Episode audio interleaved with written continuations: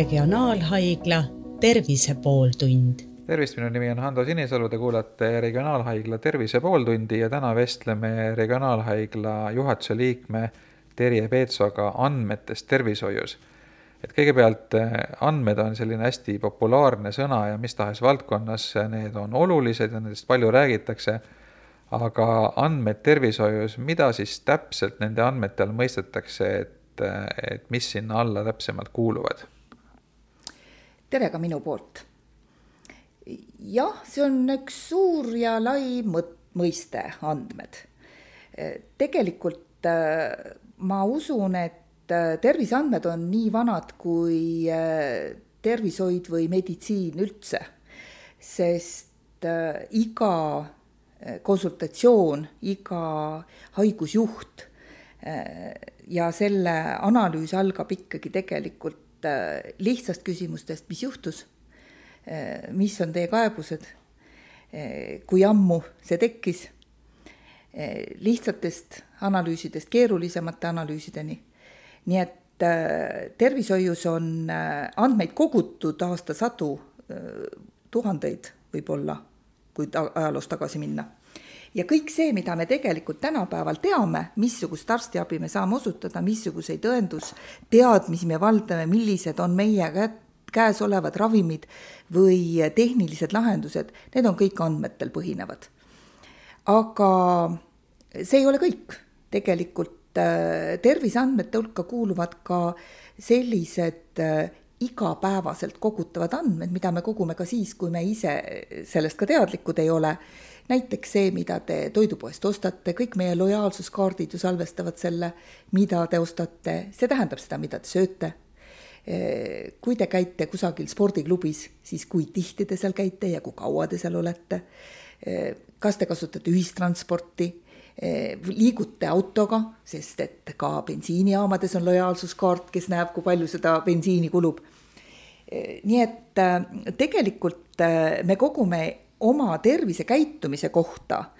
võib-olla isegi rohkem andmeid, kui meil on tervishoiuasutuses tervise kohta kogutud andmeid. üks uuring just hiljuti näitas, et et viimase nelja aasta jooksul on igal aastal kogutud terviseandmete hulk suurenenud kaheksasada seitsekümmend kaheksa protsenti, mis on tõesti märkimisväärne kogus. ja kuigi mõned aastad tagasi eh, oli jutt Euroopa tasemel niisuguse eh, kõrgete võimetega arvutite soetamisest ka Euroopasse ja, ja loomulikult eh, kõik tervishoiuga seotud ja tervishoiupoliitikatega seotud inimesed arvasid, et milline suurepärane võimalus eh, tehisintellekti kasutamiseks sellest võib tulla, siis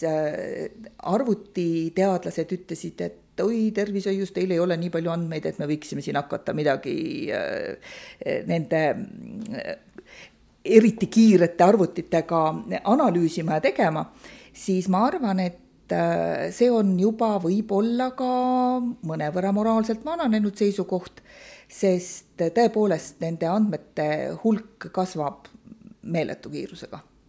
Te tõite näite nutikella kohta, et äh, need, kes äh, kannavad neid ja neid on hästi palju, siis äh,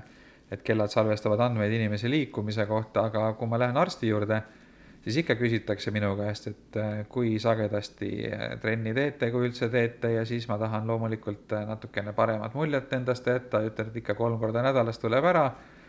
aga arst millegipärast ei küsi, et andke oma nutikell siia, vaatame järgi, mis see viimase paari kuu äh, statistika on, et tegelikult ikkagi tuginetakse täna veel inimese enda äh, arvamusele, mitte nüüd nendele andmetele, et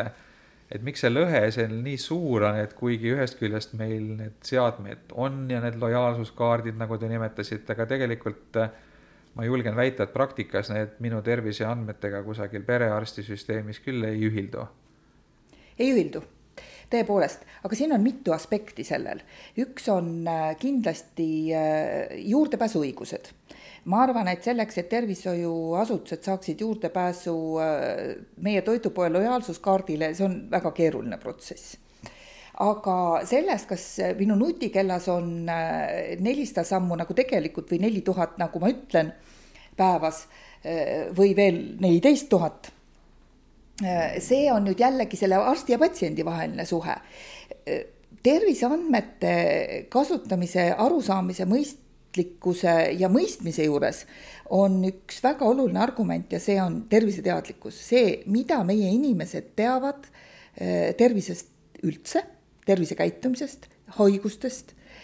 no olgem ausad, krooniliste haigustega patsiendid ja eriti harvikhaigustega patsiendid teavad tihtipeale oma haigusi väga hästi. Aga laiemas äh, laastus patsiendid tihtipeale ei äh, adu seda, missugune olulisus on nendel terviseandmetel äh, kogu nende haiguse kulus või edaspidiste haiguste vältimisel. millegipärast see tõesti on niimoodi, et me tahame näida paremad, saamata aru sellest, et see valeinfo võib mõjutada oluliselt meie raviprotsessi, võib-olla meie äh, mingisuguseid ennetusmeetmete valikuid, äh, kui me tahame nii-öelda hea õpilasena õpetajale äh, meeldida. aastaid tagasi üks Suurbritannia perearst ütles, et temal on väga raske oma diabeedipatsientidega mingisugust sellist äh, Eh, telemeditsiini rakendust eh, kasutada, kuhu nad peavad ise, tähendab patsiendid, peavad ise sisestama oma veresuhkru näitajad, sest nad eh, kipuvad sisestama õigeid numbreid, nii-öelda õigeid, mida nad teavad, millises vahemikus see veresuhkur peab olema. saamata aru sellest, et see ei ole mitte arsti huvides, vaid see on nende enda huvides, kui need näitajad ei ole normi piires sest sellest sõltub ravitaktika ja sellest sõltub nende väljavaade selle haigusega kauem ja paremini koos elada. et selline terviseteadlikkus, mida me ei ole Eestis mõõtnud oma patsientidel, aga üks üle-euroopaline uuring, noh, mõnevõrra küll aegunud, sest peaaegu kümme aastat vana, kaks tuhat üksteist Maastrichti ülikool tegi sellise üle-euroopalise uuringu, kus mõõdeti inimeste terviseteadlikkust ja sealt tuli välja, et vähem kui kolmandik eurooplasi eh, omab piisavaid teadmisi tervisest ja just selle terviseteadlikkuse eh, sellest aspektist lähtudes, et mitte ainult nad ei tea, vaid nad ka rakendavad neid teadmisi oma igapäevaelus. Eh, see on nagu ütleme,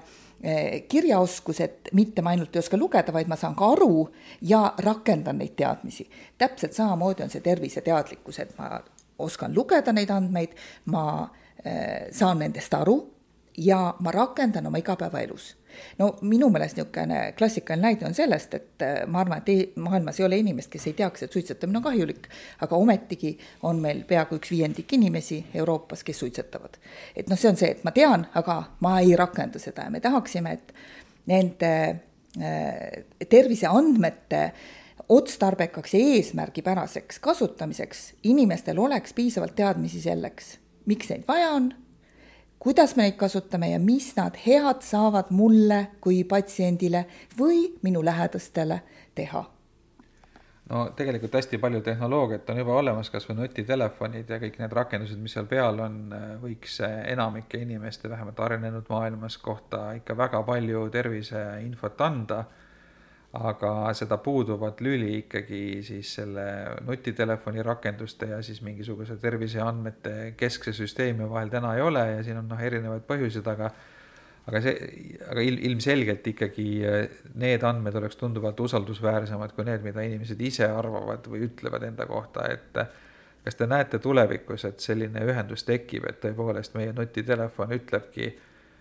minu perearstile, mitu sammu ma see nädal tegin või, äh, või ma ei tea, mitu tundi ma öösel magasin või mis, mis tahes muud sarnast infot, mis tegelikult täna on, on juba täiesti võimalik kätte saada. jah, ma usun, et see on võima-, võimalik, see on tegelikult juba praegu võimalik ma tean, et Euroopas on mitmeid äh, psühhiaatriakliinikuid, kes näiteks depressioonipatsientide äh, segab depressioonipatsientide ravi äh, tulemuste ja ravikulu hindamisel kasutavad neid sammulugejaid. sest äh, üks asi on see, mida patsient vastuvõtul ütleb, kuidas ta ennast tunneb ja kuidas tal on. ja teine asi on see, missugune oli tema äh, ka füüsiline aktiivsus nädal tagasi ja kui on see kokkulepe saavutatud, et patsiendid neid andmeid edastavad ja selleks on olemas mõistlik, lihtne ja kergesti kasutatav süsteem, sest ei ole mitte midagi hullemat kui äh, mingisugune andmebaas, mis on raskesti manageeritav, keegi ei tea, kuidas sinna juurde saab, siis peab ühest süsteemist välja logima, teisse sisse logima, siis vaatama kusagilt midagi. Need süsteemid üldiselt ei tööta. aga kui me oleme leidnud sellise lahenduse, mis näiteks äh, tõepoolest minu samme mõõdab, võib-olla ka minu mingisuguseid unemustreid äh, kajastab ja kirjeldab ja suudab seda mingisuguse graafikuna esitada arstile või äh, õele, ka patsiendile endale, siis selle kasutamine mm, nagu kasutaja seisukohalt on oluliselt mugavam ja siis tekib ka selle kasutamise huvi aga kui see on keeruline või noh, näiteks, et ma pean ütlema, et palun näidake mulle oma kella, siis sellel asjal ka nagu ei ole ju mingisugust niisugust jätkusuutlikkust, sest et eh, siis ma pean kusagil üles tähendama, mis see sellel visiidil oli, mis see järgmisel korral on. Ja, ja nii kui on eh, inimese eh, tegevus sinna segatud, siis tulevad ka inimlikud vead sellesse ja, ja see nagu usaldusväärsus selle võrra kindlasti saab kahjustatud ma ei tahaks kindlasti siinkohal öelda seda, et hakakem kasutama rohkem andmeid. seda ainult sellisel tingimusel, kui nende kasutamine ja analüüs on tehtud automaatseks ja mugavaks. aastaid tagasi oli näiteks üks äh, Tšehhi psühhiaater tegi oma skisofreenia patsientidele sellise väikese lihtsa lahenduse, kus äh, igal neljapäeval nad vastasid äh, kümnele küsimusele üheksa kümne punkti skaalas andsid äh, hinnangu oma seisundile. ja täpselt nendele samadele küsimustele vastas ka keegi kokkulepitud lähedane inimene, kes hindas selle patsiendi seisundist kõrvaltvaates.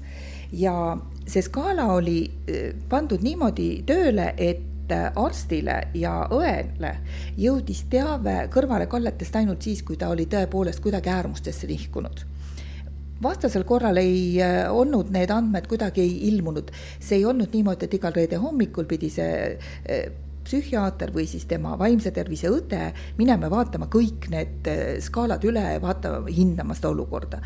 see informatsioon jõudis kohale ainult siis, kui oli kõrvalekaldeid. vot sellisel moel, kui me saame jälgida näiteks oma südamepuudulikkusega patsientide seisundit, et me oleme mingisugused piirid pannud paika, et alla selle või üle selle, siis tuleb mingisugune signaal, et midagi peab tegema, ravi korrigeerima, võib-olla patsient vastuvõtule kutsuma. et sellisel juhul see töötab, et ta ei ole mitte lisakoormus, vaid Äh, nende andmete kasutamine aitab kusagilt midagi kokku hoida. noh, näiteks seda, et me saame reageerida haiguse, haigusseisundi halvenemisele oluliselt varem, enne kui päris halvaks läheb vaid juba siis, kui esimesed sümptomid ilmnevad ja see hoiab kindlasti inimesed paremas tervislikus seisundis, ütleme, see kooselu oma kroonilise haigusega kulgeb paremini. see väldib äh, ebamõistlikke haiglasse sattumisi või ebavajalikke ja, ja kriitilisi seisundeid. nii et kui me need asjad saame paika, et me saame neid andmeid lihtsasti koguda ja, ja lihtsasti töödelda, siis ma arvan, et nende kasutamisel on palju suurem edu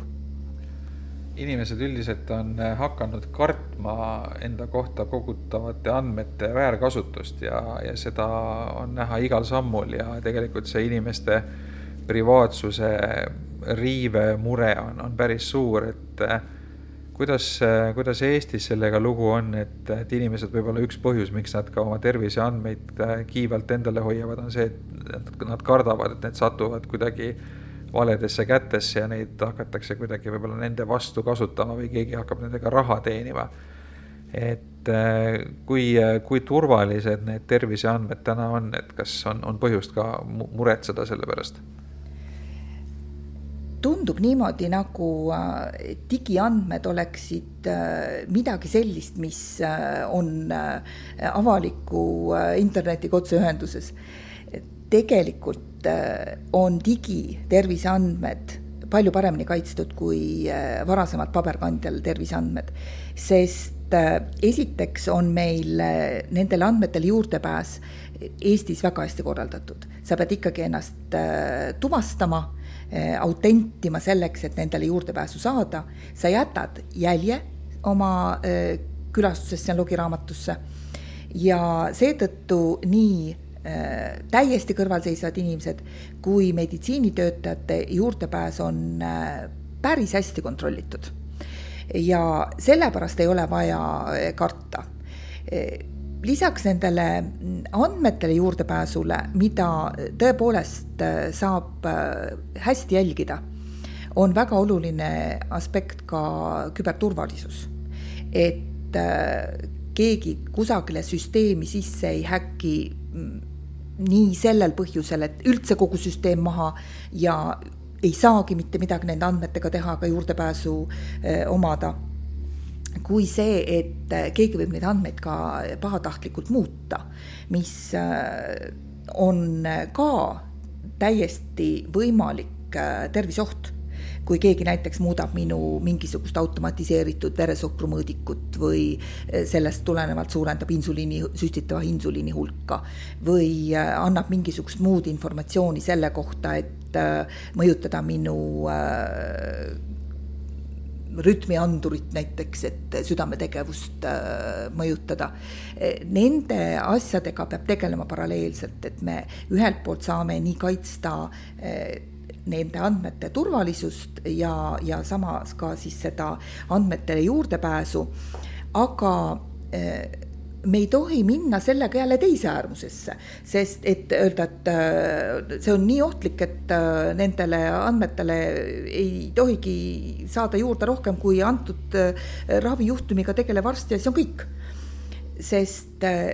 nagu ma alguses püüdsin öelda, nende Eh, andmete hulk ja nende andmete kvaliteet, mida me kogume, see on tegelikult eh, meie meditsiiniteadmiste alus. see, kas, eh, missugune ravim töötab Covid-19 patsientidel paremini või mis ei tööta või millised haiged on rohkem ohustatud, millistes, millises etapis tuleb rakendada ühte või teist ravimeetodit. Kuidas me seda teame, kui me ei jaga neid andmeid omavahel, meditsiiniteadlased omavahel ja igapäeva praktilise tööga tegelevad arstid, kui me neid andmeid ei kogu, neid ei analüüsi ja neid ei, omavahel ei eh, jaga turvalises keskkonnas, sealt tulevad meie teadmised ja Eesti on nii väike, et siin üksinda me neid teadmisi ei kogu, aga me saame väga edukalt panustada Eh, kogu maailma teadmistesse eh, nii Covid-19-st kui ka kõikidest teistest haigustest no Covid-19 on väga hea näide, et see on globaalne pandeemia, kõik riigid maailmas on sellest puudutatud ja kõigil on täpselt ühesugune mure. Et noh, võiks öelda, et kogu maailma inimesed või arstkond on eh, ühe vaenlase vastu võitlemas, et see nagu peaks, peaks andma väga hea Äh, sellise pinnase selleks koostööks, aga kuidas see tegelikult äh, välja näeb, et kas, kas, kas praegu äh, see andmevahetus ja andmete kogumise metoodikad ja kõik ja see kiirus, kuidas riigid omavahel andmeid jagavad, et kuidas, kuidas te seda hindate, et teil on ka rahvusvahelise töö kogemus, et olete selliste rahvusvaheliste koostööprojektidega kokku puutunud, et mis teie hinnang on, et kui, kui hea see Covid-19 alane arstide ja, ja tervise administraatorite vaheline koostöö praegu on? ma arvan, et äh, teadustöö tegemiseks äh, selline klassikaline teadustöö protokoll on suhteliselt hästi kokku lepitud juba ka teiste, kas analoogiliste või muude uurimistööde juures. ja äh, ka meie haiglas on praegusel hetkel kaheksa erinevat Covid-19-ga seotud uuringut käigus Eh, üks nendest on rahvusvaheline, millesse meid kaasati eh, ja see on eh, selline kokkulepe, kus selle teadustöö tegemiseks alati kõigepealt lepitakse kokku protokoll ja nende andmeanalüüsi metoodika. ja, ja siis seda järgitakse ja kui need andmed avalikustatakse, siis kirjeldatakse ka seda, kuidas neid andmeid koguti ja kuidas neid analüüsiti. nii et see on selline äh, täiesti selge, klaar äh, teadustöö tegemise printsiip ja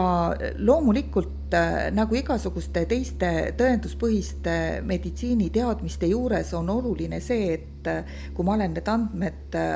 avalikustanud ja selle tulemuse kolleegidega jaganud, siis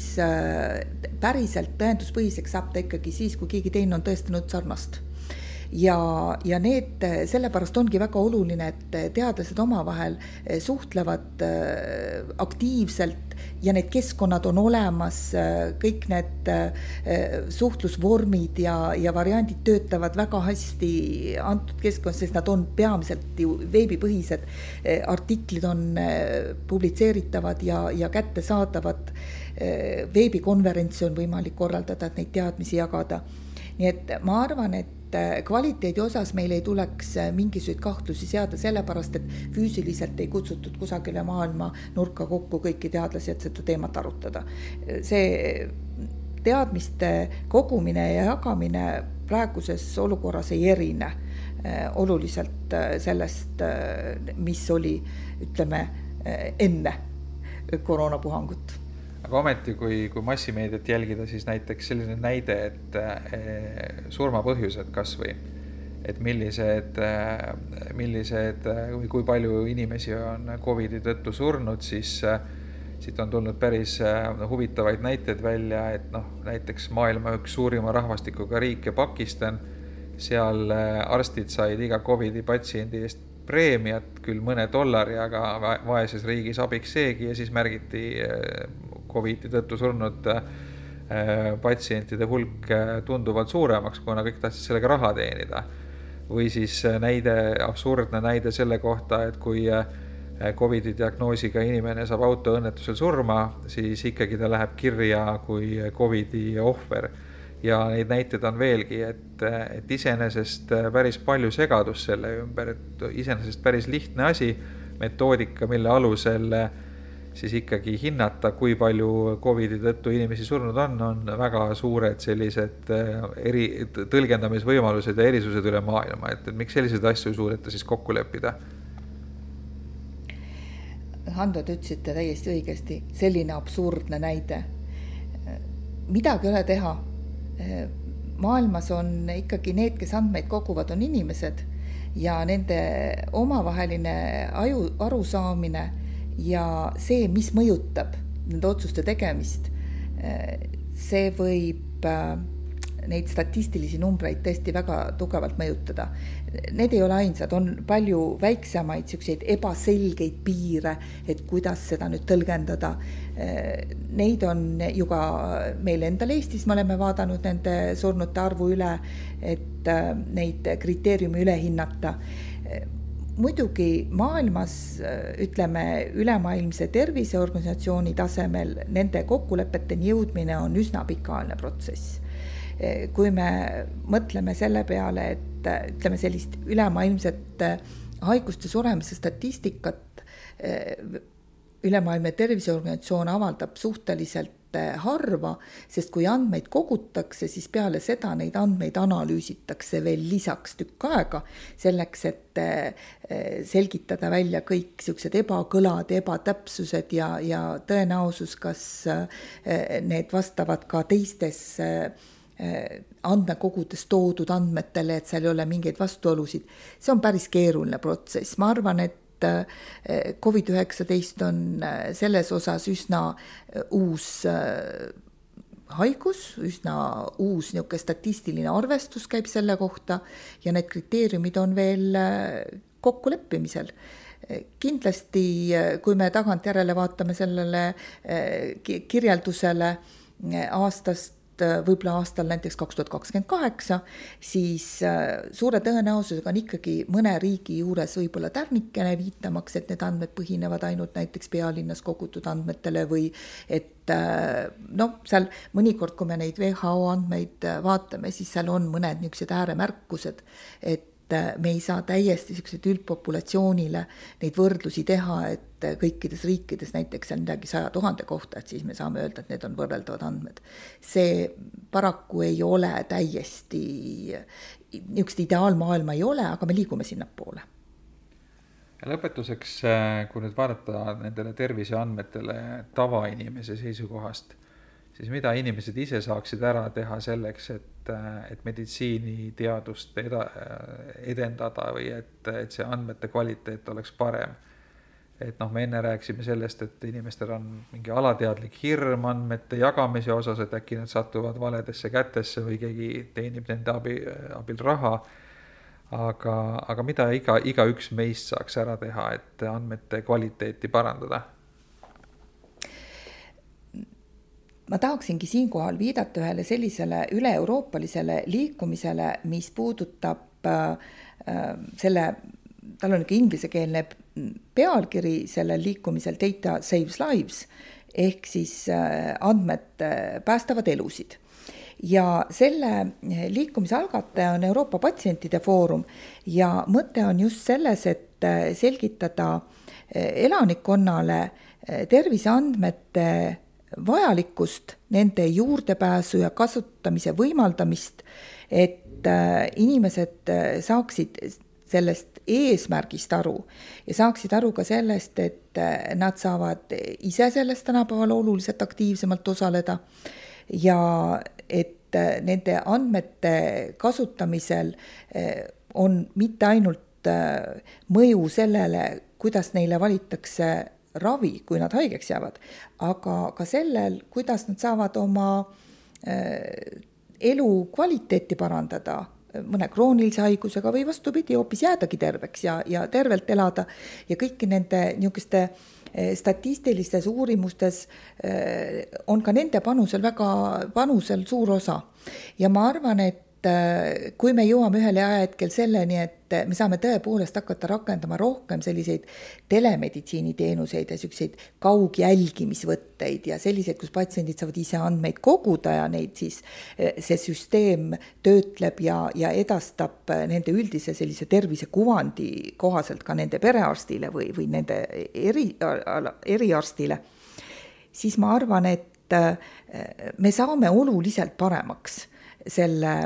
arusaamisega, missugused need haigused on, kuidas nad tekivad, kuidas nendega kõige paremini toime tulla, sest äh, on väga oluline tänapäeval, ma arvan, et enamik inimesi saab ka sellest aru, et äh, krooniliste haigustega võib väga hästi koos elada ja neid võib väga hästi jälgida, nende ägenemisi ja tüsistusi saab vältida, aga selles on patsiendil endal väga oluline roll. et et ta jälgib oma vererõhku, kui tal on kõrgvererõhutõbi, ta jälgib oma veresuhkrut ja seda, mida ta sööb, eh, kui tihti ta sööb, eh, kui tal on suhkurtõbi või ta näiteks, kui tal on mingisugune liigesehaigus, et ta teeb ka kodus mingisuguseid niisuguseid ravivõimlemise moodi harjutusi ja võib-olla kasutab regulaarselt mingisugust abivahendit selleks, et haiguse ägenemist vältida. ma arvan, et kõik need teadmised, mis on nagu sellist rahvatervist üldiselt omandavad tervislikest eluviisidest ja siis oma selle konkreetse eh, haiguse eh, olukorra jälgimist, eh, kuidagi selle niisuguste kriteeriumite salvestamist, et võrrelda, kuidas see ajas kulgeb selles on patsientidel endal väga oluline osa ja mitte ainult patsientidel, ka nende lähedastel ja kõikidel tervetel inimestel, sealhulgas ka meedikutel. Sellega on kena lõpetada, aitäh, Terje Peetso, PERHi juhatuse liige, meiega täna sellel olulisel teemal rääkimast, aitäh kõigile kuulajatele, saadet juhtis Ando Sinisalu. regionaalhaigla Tervise pooltund